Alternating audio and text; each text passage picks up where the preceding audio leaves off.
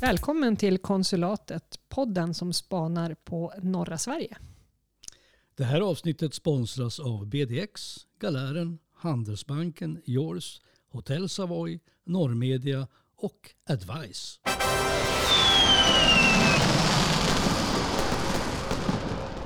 Välkomna till Konsulatets jubileumspodd. Nu firar vi ju ett år och vad passar då bättre än att göra det hos en av våra sponsorer? Mm, Eh, Savoy. Hotell Savoy, Luleå. Ja, exakt. Ehm, en i veckan har vi nästan, eller vi har klarat en i veckan under ett år. Är inte det bra jobbat? Nej, varannan vecka i alla fall. Ja, men en krönika har vi kunnat, ja, vecka, ja. men krönikor har vi kunnat spotta ut nästan en i veckan. I alla fall på slutet. Så är det ju. Men kommer ni, ihåg vad, vad, kommer ni ihåg vad vi sa när du Jonas skulle starta den här podden?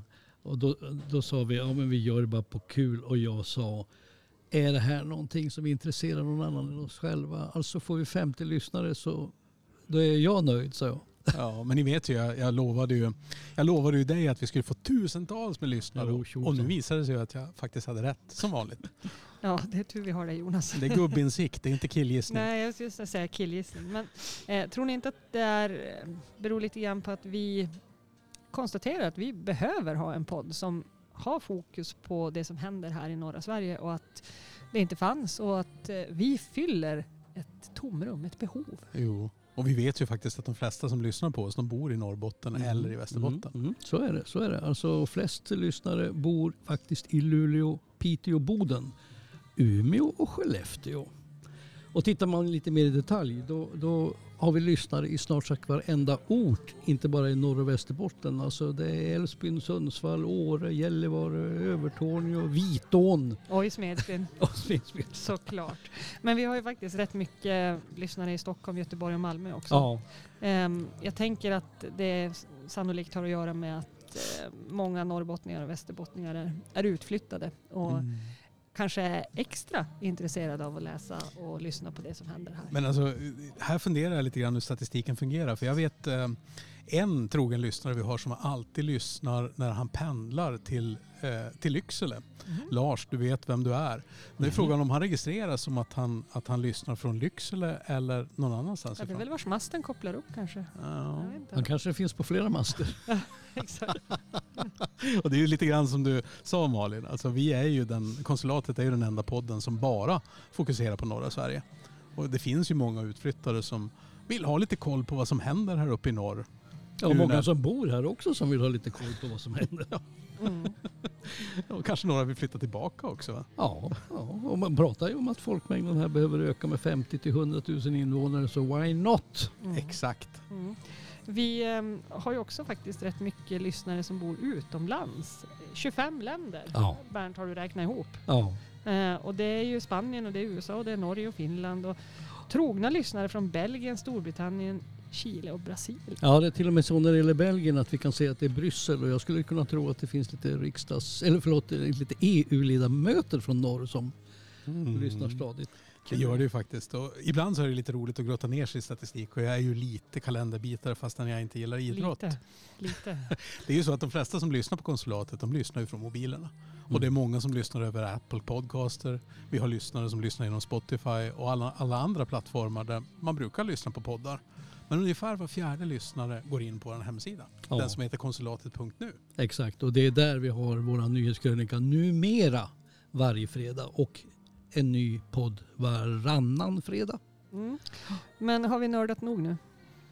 Ja, men alltså jag tycker det, det kanske är någon som undrar om vilken av våra poddar som är mest avlyssnad. Nå, vilken? Jo, det är faktiskt vår andra podcast, den som vi döpte till Juvelen i kronan. Det är den som är absolut mest avlyssnad. Den har haft lyssnare varje dag sedan den släpptes i april i fjol. Ja, och då måste vi bara säga att juvelen i kronan handlar alltså om Tornedalen. Exakt. Så Ja. ni som ännu inte har lyssnat på just det avsnittet, Ja, ni får se till att vi håller statistiken Ja. med lyssnare varje dag. Nu ska vi öka lyssnarsiffrorna ännu mer. Vi ska ha ett eh, kanonspännande jubileumsprogram. Vi har Mm. bjudit hit eh, Gunnar Tolin, eh, fastighetsägare i Luleå. Och vi ska prata med honom om Umeå, Luleå, Skellefteå och utvecklingen då och nu och vart är vi på väg och hur ska vi klara alla utmaningar här i norr. Just det. Och det, det räcker inte bara med det utan vi kommer ju också att lyssna och, och på kultur. Ja, kulturen har legat i pandemidvala men nu jävlar är det full rulle och då har vi ha- tagit hit vårt speciella kultursändebud. Just det, Andreas Hofsten. Ja, precis. Och han ska berätta lite grann om vad som är på gång nu, kultur, hö, kulturvåren. Inte hösten, våren. Och då kör vi. Ja, Då kör vi gör vi. det.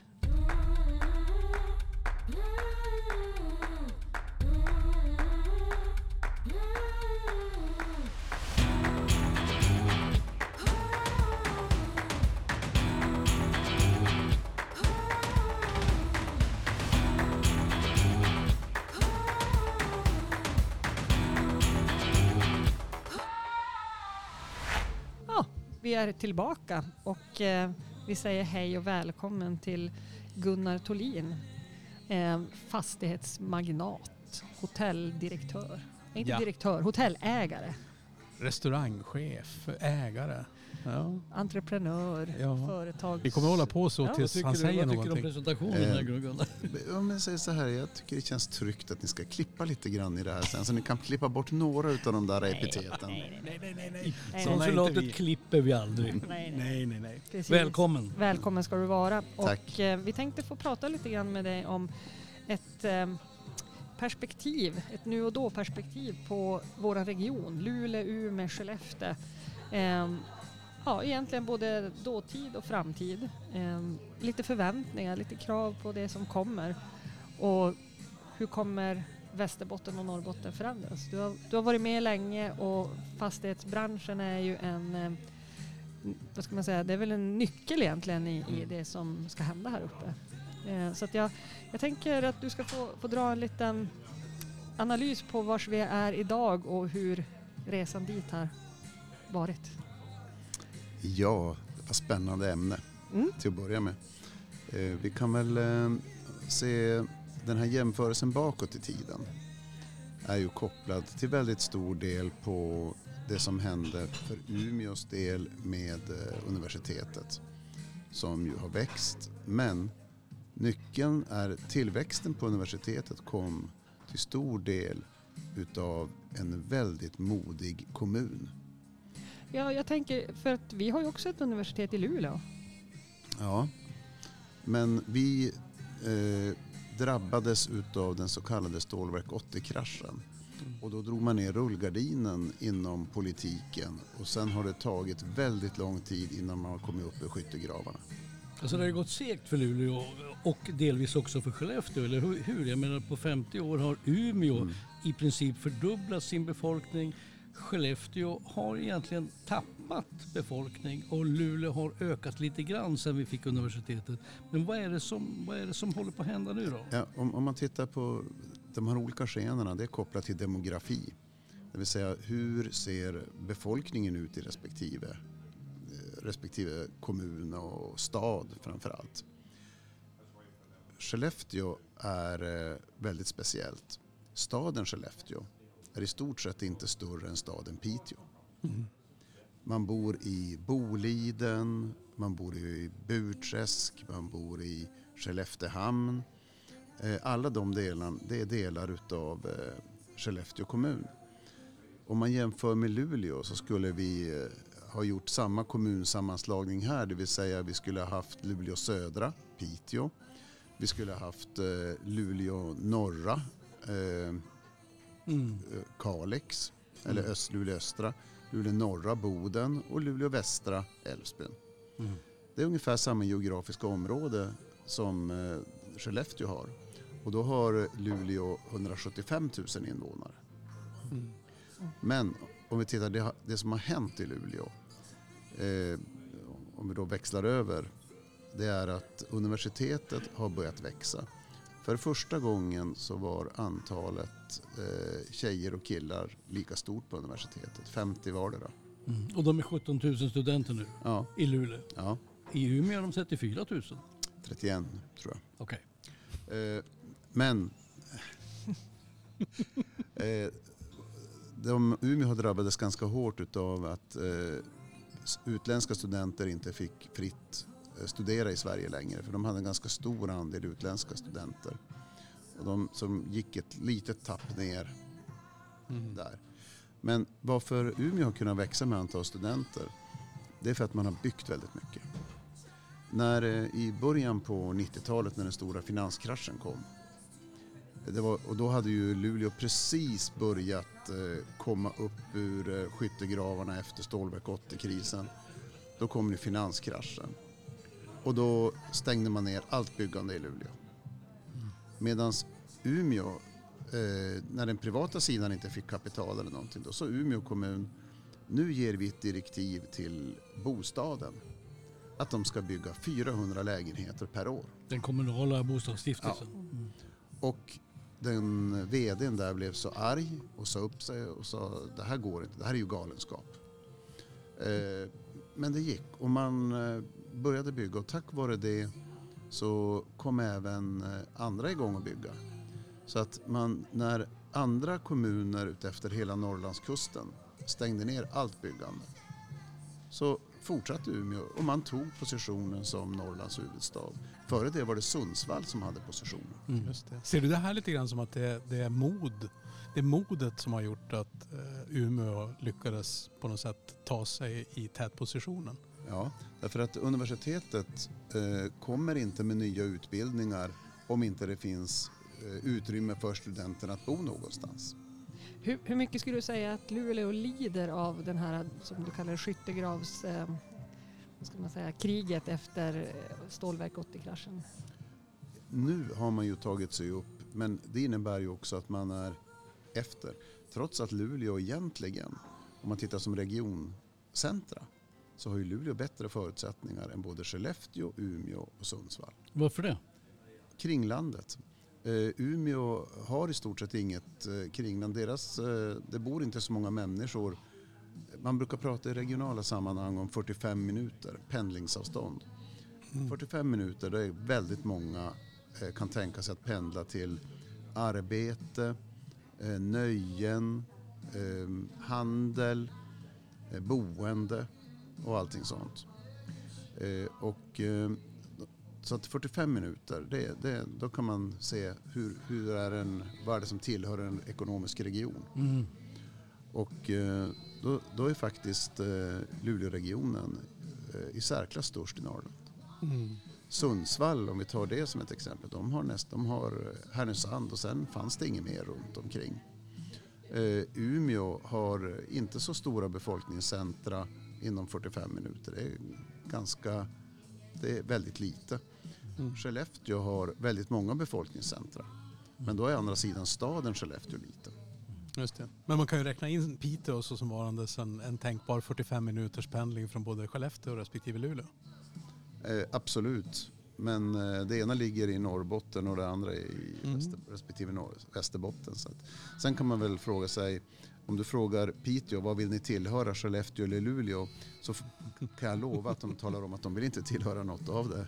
Nej, de brukar ju räkna in Piteå norra så som varandes Luleå respektive Piteå södra, södra som Det kan, Skellefteå. göra, Så det. det kan vi göra själva. Mm. Ja men så kan det ju vara. Men du Gunnar, om vi, om vi tittar eh, framåt då, på du som, som byggherre. Eh, vi ska ha en befolkning som måste öka för att vi ska kunna möta bara kompetensförsörjning och arbetskraft på de eh, satsningar som man tänker. Mm. Hur, eh, hur känns läget så att säga? Alltså läget har ju aldrig varit kan man säga, bättre. Det är ju som att eh, det är inte bara det att Stålverk 80 blev av egentligen utan det är ju ett par tre stycken. Vi har så många näringar och vi har en eh, diversifiering på näringarna som faktiskt inte de andra kommunerna kan stoltsera med. Mhm. Eh, vi har eh, offentlig sektor, det vill säga universitetet. Vi har eh, jättelika kontor som Trafikverket som sköter Norrlands eh, planering och allting. Det ligger i Luleå. De är oerhört många anställda idag. Mm. Bara att ta exempel. Det brukar ju uppmärksammas ibland i Västerbotten att Trafikverket Nord ligger i, i Luleå och Ja. inte i någon, Mm. vare sig i Skellefteå eller i Och vi har samma sak med Pensionsmyndigheten, Skatteverket och andra som idag ligger i Luleå. Mm. Eh, och eh, det, det här är, kan man säga, vi har dels det, sen har vi universitetet som är eh, en motor, eh, en av de absolut största motorerna. Vi har några stora tillverkningsindustrier som, där man skulle kunna tro att det vore en, en minskning Men de har också tack vare universitetet startat upp eh, FoU-sidor. Eh, både på Gestamp, på Scania och på stålverket. Mm. Så att vi har, det, det kan man säga, det kompenseras utav, ja, det behövs färre på golvet men det kommer in fler inom forskning och utbildning. Mm. Och, Men- men- och inte nog med det här, då har vi dessutom en IT-bransch som eh, växer hela tiden och är stor. Vi har eh, massor med, det vi inte har det är en byggsida som svarar upp mot efterfrågan. Så vi, vi saknar, ska jag säga, ungefär tre fjärdedelar av den byggsida som vi skulle behöva. Är inte det här någonting vi delar med, med till exempel Skellefteå, eh, Boden, Gällivare, alla de här orterna nu som, och kommunerna och städerna som ska växa i den här industriella omvandlingen? Är inte det här ett problem vi delar? Vi, har, vi får ju rapporter dagligen från till exempel Skellefteå nu som behöver bygga 9000 bostäder eller vad det är.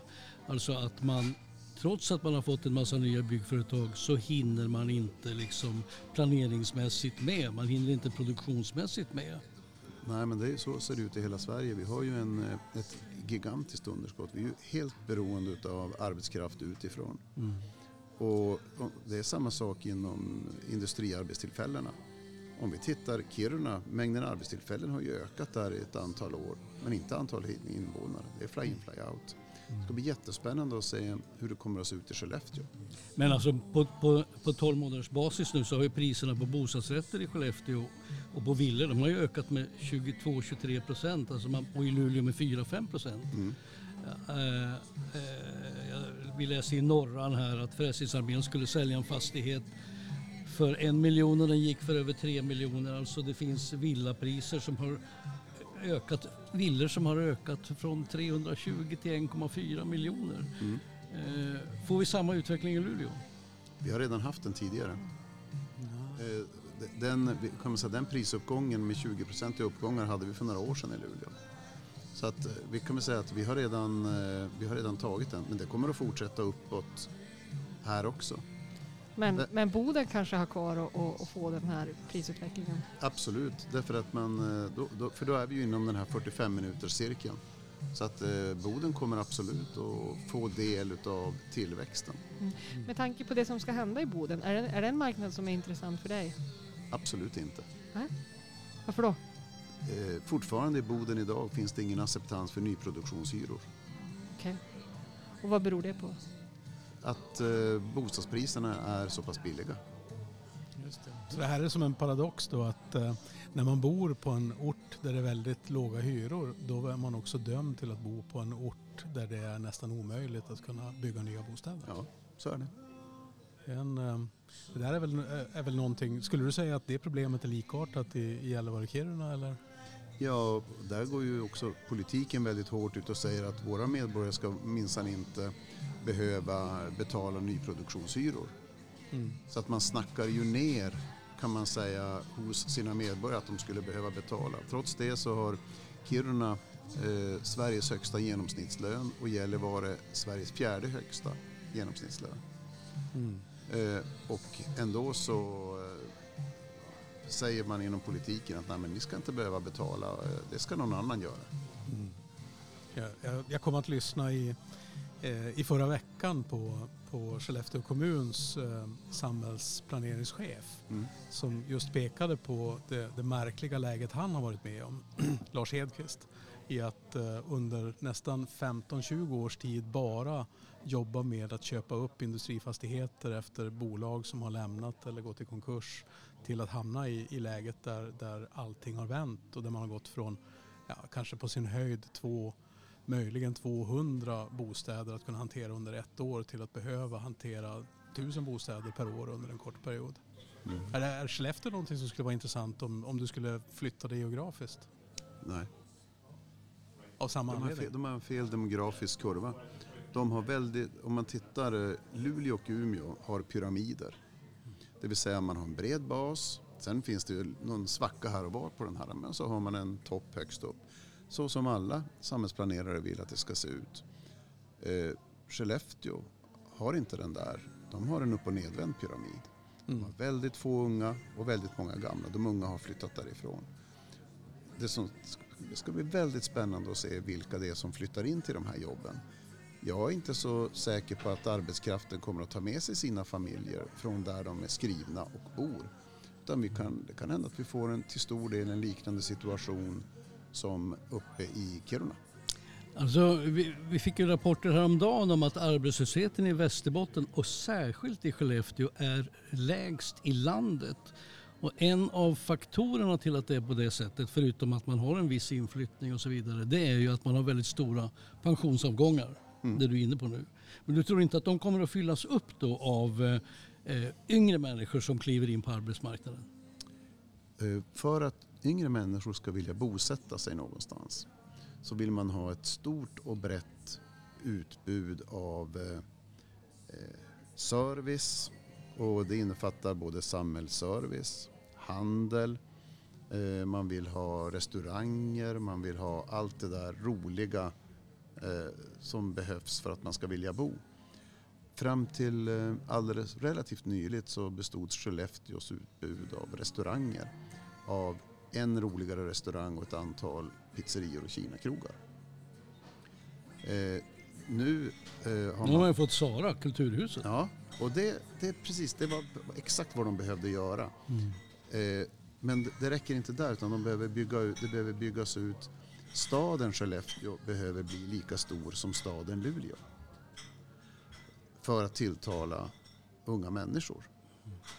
Men, eh, och, de har, och det här tror jag att eh, politiken vet om och samhällsplanerarna i Skellefteå. Och då kommer de att jobba med det här jättemycket. Men det måste finnas hela den här bredden och då går jag tillbaka på den forskning som Richard Florida gjorde. Vad är basen i en framgångsrik region? Jo, det är den här, och det är samma saker som alla vill ha. Man vill ha social trygghet, man vill ha ekonomisk trygghet, det vill säga jobb. Man vill ha en, hela den här utbudet av eh, service, kommunikationer och allting. Och tolerans. Ja, jajamän. Men, men eh, jag tror väl att du har satt fingret egentligen på nästan alla tangenter som, som eh, ju Skellefteå kommun och de som tänker strategiskt kring det som är Skellefteås utveckling har, har tänkt på. Det här är ju det som är den stora utmaningen kopplat till, till den gröna industriomställningen.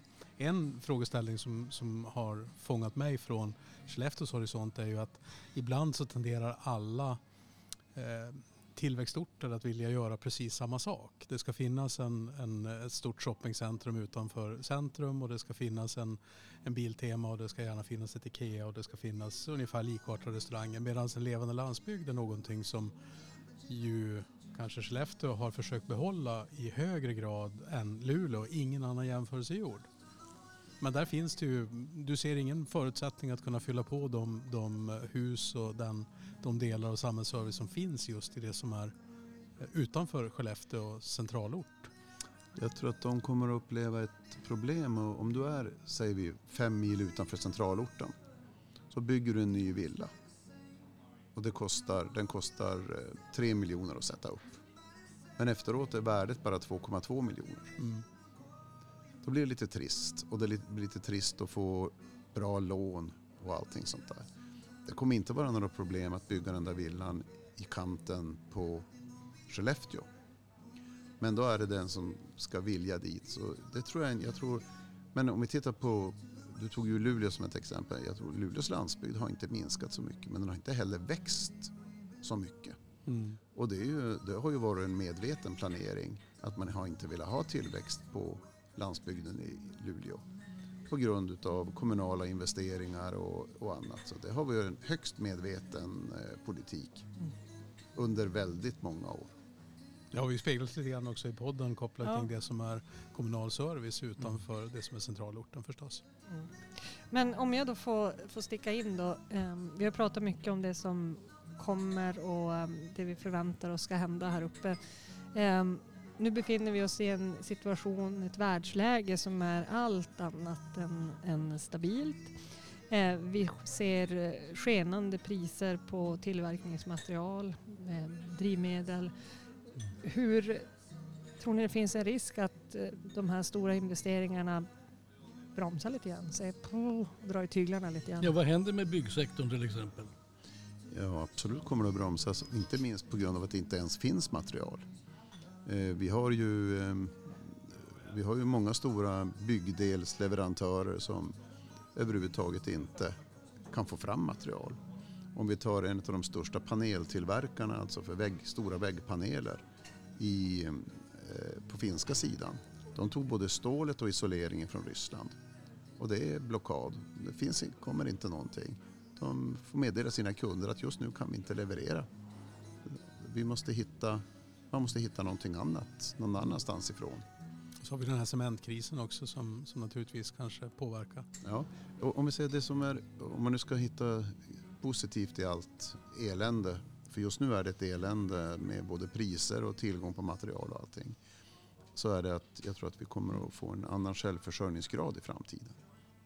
Man kanske ser att, ja men, eh, det här, vad är, vad, vad är hållbarhet för någonting? Vad är hållbarhet att, eh, ja men, eh, vi ska ta en ekologiskt odlad frukt från andra sidan jorden för att den är ekologisk. Medan vi köper inte samma frukt från, nerifrån södra Sverige.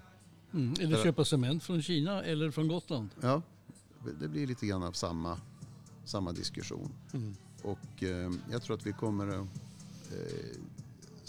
vi säger till exempel att vi ska inte ta upp gruvtillgångar ur marken i Sverige, mineraltillgångar. Därför att eh, det är inget bra med gruvor. Men vi vet att vi behöver dem för den gröna omställningen. Istället köper vi det från gruvor där, i länder där det absolut inte eh, finns samma trygghet för eh, de som plockar upp det ur backen och allting. Tror du att den här krisen som Malin tar, spelar in oss på här nu, tror du att den här krisen nu, den stora politiska krisen och den som är i Ukraina med mera, med mera, tror du att det kommer att eh, ge en liten skjuts åt eh, till exempel det här med nya gruvor och eh, snabbare tillståndsprocesser och så vidare? Absolut. Den var ju igång den processen redan innan men det här kommer ju att skynda på ännu mer. Jag tror att vi kommer att se på det här med livsmedelsproduktion annorlunda. Vi har ju världens hårdaste regler. Jag säger inte att det är fel. Men då kanske man inte samtidigt kan komma med ekonomiska pålagor utöver själva djurskyddsreglerna. Det, det, det, är, liksom, det är väldigt många händer som eh, ror åt olika håll. Så att det, jag tror att det, vi kommer att se, det kommer att bli förändringar. Men tänk om du skulle komma med några korta goda råd för de som leder och styr nu eh, de kommunala skutorna i, i Luleå känner du ju väldigt väl. Men om du skulle ge råd till, till det som är Skellefteå, Boden, Gällivare, Kiruna. Hur, vad, hur, skulle, hur ska kommunpolitiker tänka tycker du i de orterna? Ja, om vi börjar med Malmfälten. Då ska jag säga att eh, för att det ska kunna bli en, en framgångsrik region där uppe där alla som tilltalar människor att flytta till och bosätta sig, inte bara pendla till. Då måste man uppnå en viss kritisk eh, massa med invånare för att få underlag för service och annat. Då tror jag att man ska bygga motorväg och snabbtåg mellan eh, Gällivare och Kiruna och mellan Gällivare och Pajala. Och sen det man river nu i eh, till exempel Kiruna så uppför man inte i Kiruna utan man satsar stenhårt på att utveckla Gällivare till att bli ett regioncentra för Malmfälten. Ja, Skellefteå då? Eh, Skellefteå är ju redan då ett regioncentra för, men och man har inte så mycket, jag tror inte man kommer att tömma om eh, kringlandet och inlandet har Umeå redan tömt. Så där finns det ingenting att hämta. Man måste tilltala världsmedborgare. Inom Sverige kommer de inte att tilltala så många utan det är att få människor från andra delar av världen att flytta till Skellefteå. Så att eh, det kommer att bli eh, och att de, inte, att de även ska ta med sig sina familjer och bosätta sig och inte bara komma och jobba eh, en månad, vara hemma en månad och vice versa. Vad säger du om Luleå-Boden då? Hur ska vi få de- frä, frä, fräs på det här nu? Om vi flyttar oss eh, eh, tio år framåt så är Luleå och Boden eh, samma kommun.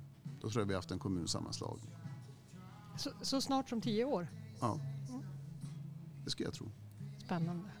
Och jag tror, jag tror att eh, samma sak eh, Charlotte Melander som forskar i näringslivsutveckling, hon har forskat tillsammans med Richard Florida, sitter på universitetet i Linköping idag.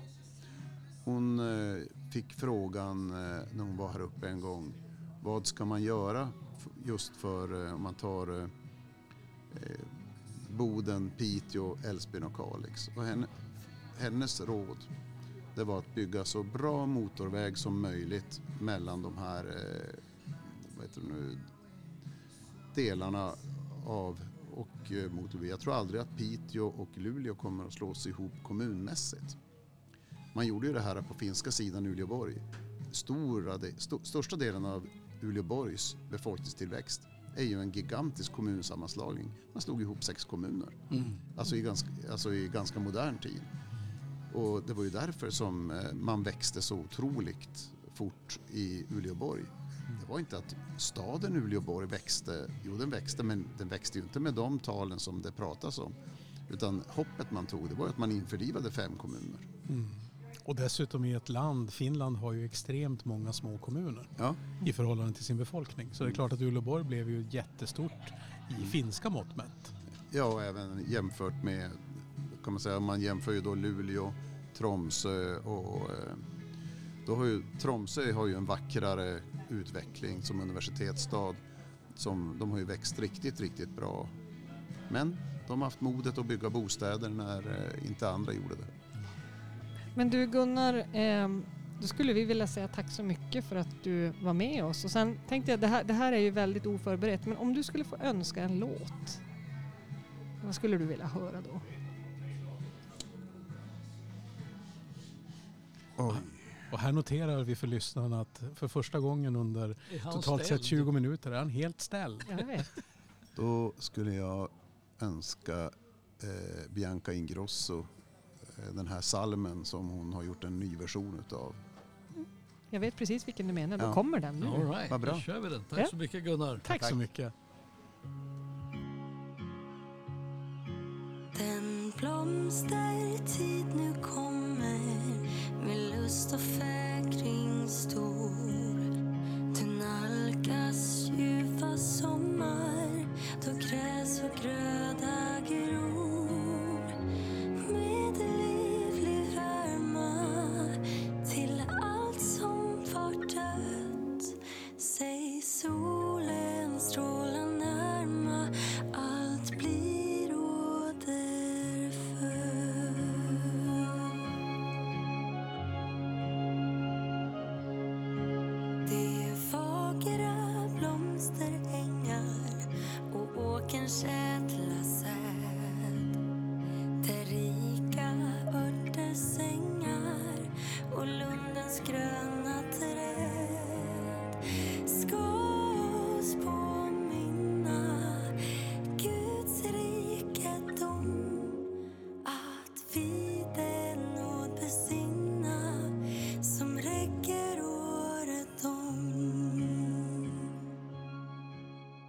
Jaha, då hörde vi Bianca Ingrosso, Blomstertid, en önskelåt av Gunnar Tolin. Men nu har vi en annan gäst här, Andreas Hofsten, välkommen. Tack så mycket. Du är ju cineast, Va? okej. ordförande i Folkets Bio, Ja, det kulturkrönikör, stämmer. recensent på Norrmedia, Ja, bor i Hovlös, ja. Stockholmsjävel. Ja, jag flyttade upp för eh, nio år sedan så att eh, det, var ett, det var ett steg att ta. Men det är roligt att ta steg. Mm. Och som kulturarbetare måste jag ju fråga dig eh, med anledning av att SOM-institutet har tittat på svenska folkets kulturvanor nu under pandemin. Mm. Vad har du gjort idag? I Kulturväg har jag läst en bok. Alltså hela boken. Eh, nej, men jag började på den. Det är Men- vackert så tycker jag. Då, då delar du, då tillhör du 52 procent av svenska folket för de har nämligen läst en bok idag. Oj, ja men det är ändå vackert. Räknas det då om man lyssnar? Jag, jag kör, kör ju Oh. väldigt mycket ljudböcker. Du, ljudböcker det är mindre, det är inte 52 procent, det är bara 13 tror jag. Okay. Ja, men det lär öka har jag hört. Ja, det är ett fantastiskt Och sen är det ju många som böcker. lyssnar på den här podden så lyssnandet ökar. Lyssnandet ökar. Men det är gott att lyssna. Man kan göra annat samtidigt och man tänker på ett annat sätt tycker jag. Mm. Helt rätt. Och det är ju också så här att du är ju här Andreas inte bara för alla de saker du kan utan du är ju också vårt särskilt utvalda kultursändebud för konsulatet. så att du har ju en särskild roll både hos det slovakiska konsulatet men också hos podden konsulatet. Alltså, Hur känns det? ära. Hur känns det egentligen? Ja, det känns ju hedrande måste jag ju säga. Det, det börjar bli ett långt visitkort nu. Hörru du, pandemin har legat i någon slags... Eh, kulturen har legat i pandemidvala. Ja, Men nu börjar det hända grejer. Visst gör det absolut. Eh, Luleå kommun, jag, jag kan uttala mig i det här fallet, har ju varit väldigt generös mot kulturen. Och jag anar ju att det har att göra med att eh, Luleå då är en ganska killig stad, i mitt tycke i alla fall. Och eh, kulturen står ju för lite andra mjukare värden. Och det gäller att behålla tjejerna så inte varenda tjej drar söderut. Mm. Eller att de kommer tillbaks kanske. Mm. Och du tycker de gör ett bra jobb alltså rent så? Ja, det tycker jag faktiskt att de gör. Mm. Vad är det de gör bra? De är generösa med stålarna. Okej. Och de ser till där krafterna finns. Och då menar jag nu inte Folkets Bio, även om vi har fått vår beskärda del på Royal på Nygatan. Men Fattas bara annat förstås. fattas bara annat. Utan även andra alltså. Mm, men ge något exempel på någonting som du tycker att man har satsat bra på. Ja, alltså man har uppmärksammat sån här där kraften finns. Man har uppmärksammat till exempel Luleå stadsteater som ju har med Maja Runeberg nu vid rodret fått en, en skjuts. De gjorde ju en föreställning av Tove Janssons Filip Jonkan som var fullständigt oemotståndligt härlig alltså. Och nu är de igång med en ny spännande grej. En pjäs som heter eh, Gillar du porr? Oj. Och vem kan svara ärligt på den frågan? Luleå stadsteater, ska vi flika in det? De grundades 1975. Jag, jag råkar nämligen veta det. Att det är Sveriges äldsta ännu verksamma ideella teatersällskap. Det är ju fantastiskt. Inte illa. Nej, det är inte illa. Men du, vad Mm. händer då? Vad händer nu när vi har tagit bort den här blöta pandemifilten? Vad sprudlar det igång? Du pratar Luleå Stads som gör lite pjäs. Eh, vad händer mera? Ja, i- nere i Västerbotten har ju Norrlandsoperan premiär nu på en Tartuffe. En opera av, eh, vad hette han? Meneskin eller något sånt där tror jag. Ja, Ingen av oss kommer att säga emot dig. Du skulle kunna säga vad som helst så får vi kolla det i Ja, det är en efterhand. jänkare i alla fall. Ja. Eh, relativt nyskrivet stycke. Och, eh, jag menar Molière är ju poppis i tider av där vi letar efter feministiska uttryck Mhm. och, och styrkor. För att han var ju en jäkel på att få tjejer att punktera manlig uppblåsthet. Just. Mm. Och Tartuffe är en härlig pjäs. Ja. Har Hur du sett den här? Nej, den har premiär nu på, i början av april och den kommer sen till Luleå i början av maj och den tar en sväng förbi Skellefteå också. Okej. Sätts den upp på, på Norrbottensteatern då eller blir det... Ja, jag tror att det är Norrbottensteatern, Ja. eller jag vet att det är det. Okej, Mm. mm, just det. Just det. Eh, Men hur var det, visst var det så att på Akustikum i Piteå har de kört, eh, men, men det är inte Norrlandsoperan utan de har rent av kört från eh, New York, alltså Just det, uppsättningar. Ja, från Metropolitan. Ja, Metropolitan, just det. precis. Det, det har man kunnat se lite varstans faktiskt. Okej. Jag undrar om inte även på Folkets Bio Så där. och i Boden. Ja, i Boden. På Får- Royal. Fortsätter det? Ja, det fortsätter. Som, som upplevelse i sig då, hur skulle du gradera detta med att, att se en, en fjärrsänd upplevelse från Metropolitan jämfört med att se Norrlandsoperan? Ja, jag, tycker, jag tycker att det var så himla charmigt när vi visade Carmen för fullt hus och folk började applådera. Jag tycker det var gulligt. Och det visar ju ändå på ett engagemang och en närvaro. Det kan man ju inte säga annat även om nu mästersångarna i Metropolitan på Metropolitan inte hörde ett skvatt av vad... Och, vad, och vad vi gjorde i Luleå, men ändå. Nej, men ändå. Ja. Men du, om vi släpper det där med opera då. Vad, vad, händer, vad händer mer på kultursektorn, inom kultursektorn? Ja, det, vad heter det, Norrbottensteatern kör ju ett varv till på den här eh, Popkvinnor andra sommaren. Eh, som bygger på Anna-Charlotte Gunnarssons jättefina bok om de alla glömda begåvningar inom popsvängen. Nu tycker jag den, den som var då för ett par år sedan som visades i, på Hängnan och i turné över länet var lite flåsigt eh, check sådär i mitt tycke. Men nu ska de göra en ny version och jag hoppas de spetsar till texten lite. Mm. Konsertvåren då, hur ser den ut? Ja, alltså nu på lördag är det ju eh, den här nya gruppen, inte nya kanske, men Rymden kallar de sig. Det är alltså gamla Esbjörn Svenssons trio. Eh, med Dan Berglund och eh, Mikael Örström heter han väl på trummor. Eh, som är ju världsklass alltså. Nu gick ju Esbjörn Svensson bort Mm. 28. Han drunknade i Stockholms skärgård. Precis som Jan Johansson eller någon annan Stor Kan- pianist. stor pianist gick bort alldeles för tidigt. Mm. Men den, de ska jag lyssna på på Ja. Kulturens hus på lördag. Va, Ja. vad tycker du har hänt om, om du tittar på, på bara detta med att Kulturhuset Sara har smög som igång mitt i pandemin och, och vad, vad är dina intryck från, från det som finns skapat med Skellefteå som fokus? Ja, alltså de har ju inte någon fast ensemble och någon fast scen för dem så att säga. Så de kör ju det här lite Kulturhuset eh, scenariot eh, i, i sitt utbud. Men det är ju ett väldigt brett utbud. De har ju besök av Per Gessle nu som kommer och Jill Johnson såg jag och Nationalteatern, gamla underbara progbandet. Sara Larsson. Okej, Ja, Sara Larsson hade ju sin också. premiär. Men det är klart Ja. Västerbottensteatern har ju sin fasta Ja. punkt nu i, i, i Kulturhuset Sara förstås. Visst. det, Och man ska ju vara där nu medan det fortfarande luktar skog och liksom träd. Är ju, Mm. är ju Men du, ska vi inte nämna det också? Att de har väldigt mycket bra konstutställningar på Sara. Okej? Ja. Ja. Där är jag inte lika bevandrad som du så du får du ta över här.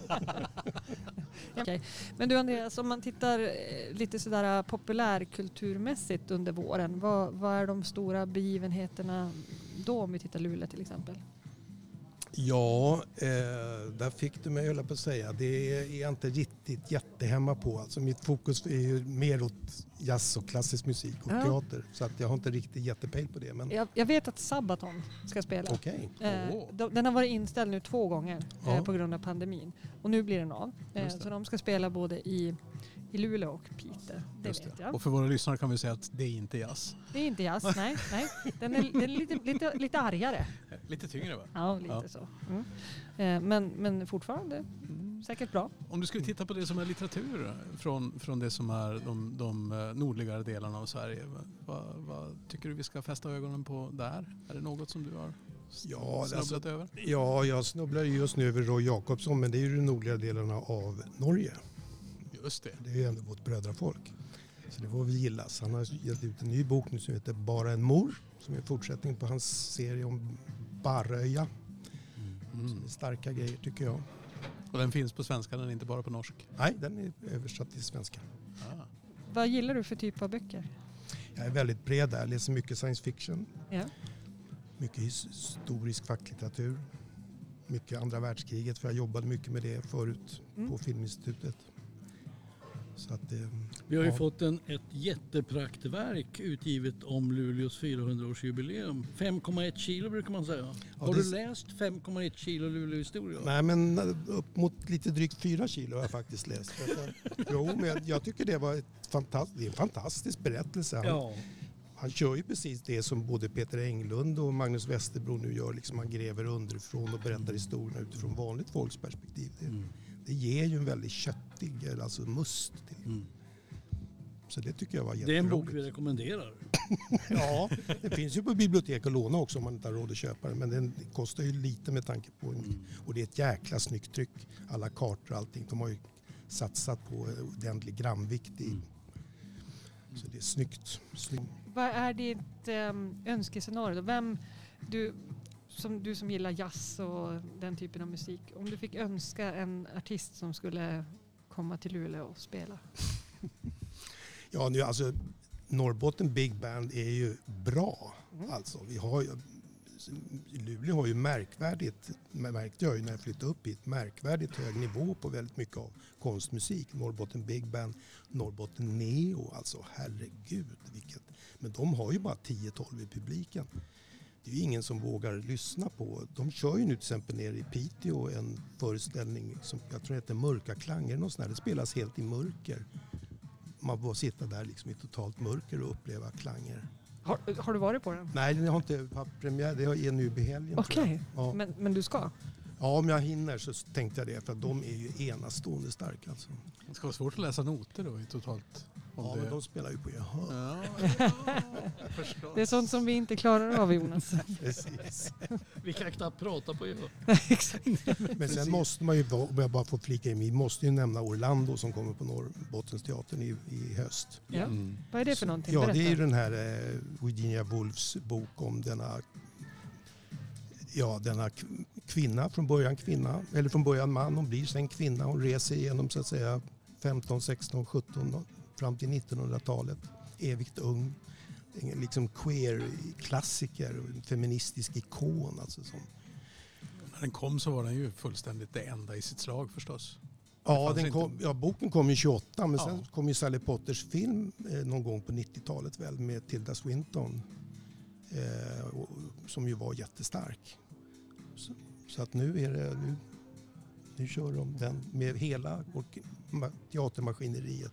Fullt ös, stor kör. Så, Och om man, om man skulle vilja förbereda sig för den upplevelsen och så får man välja antingen att läsa boken eller att titta på filmen med Tilda Swinton. Vad, vad skulle du tänka då? jag skulle inte göra något av dem faktiskt. Nej. Jag skulle gå till teatern och bara ta in det som är där. Mm. Du eh, Andreas, du ska få samma fråga som Gunnar, helt oförberedd. Du ska få välja en låt. Wow. Och så ska vi säga tack för att du ville vara med oss. Och eh, ja, du får välja. Ja, då väljer jag Mustang Sally med The Commitments. Vad säger du om det valet då Bernt? I like that. Ja, Andrew Strong som vokalist eh, som, som kom väl i, i hela ensemblen var det väl nästan ingen som, som hade någon karriär som skådis innan. Eller Nej, sångare. Så kanske var, nej, så var det kanske. Jo, det stämmer nog. En, jag tycker just körandet, om ni, om ni ska särskilt lyssna när, när kören sjunger Ride Sally Ride så, så sjunger Royd Sally Royd i filmen. Andreas Hofsten, tack ska du ha för att du kom hit. Tack själva. Tack så mycket.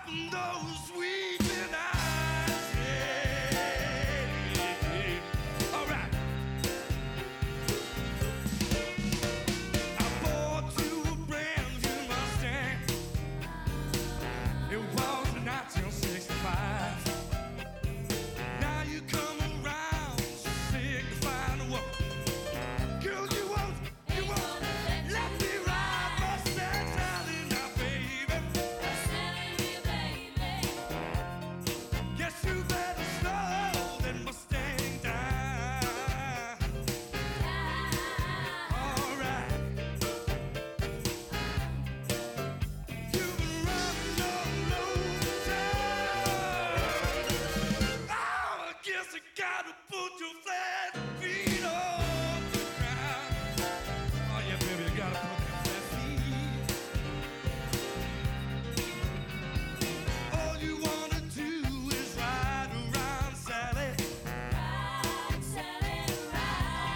Okej, det vi hörde nu var ju en cover, en väldigt berömd cover på Wilson Picketts eh, slagdänga Mustang Sally. Och eh, jag vet inte på vilket sätt det ska föra oss in på det som är eh, Malins absoluta favoritämne. Fåglar. Fåglar.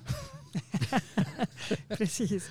Eh, ni som lyssnade på förra podden fick ju höra oss prata lite grann om jakt och framförallt fjälljakt ovan eh, odlingsgränsen och hur man eh, planerar att kontrollera och begränsa den eh, framöver.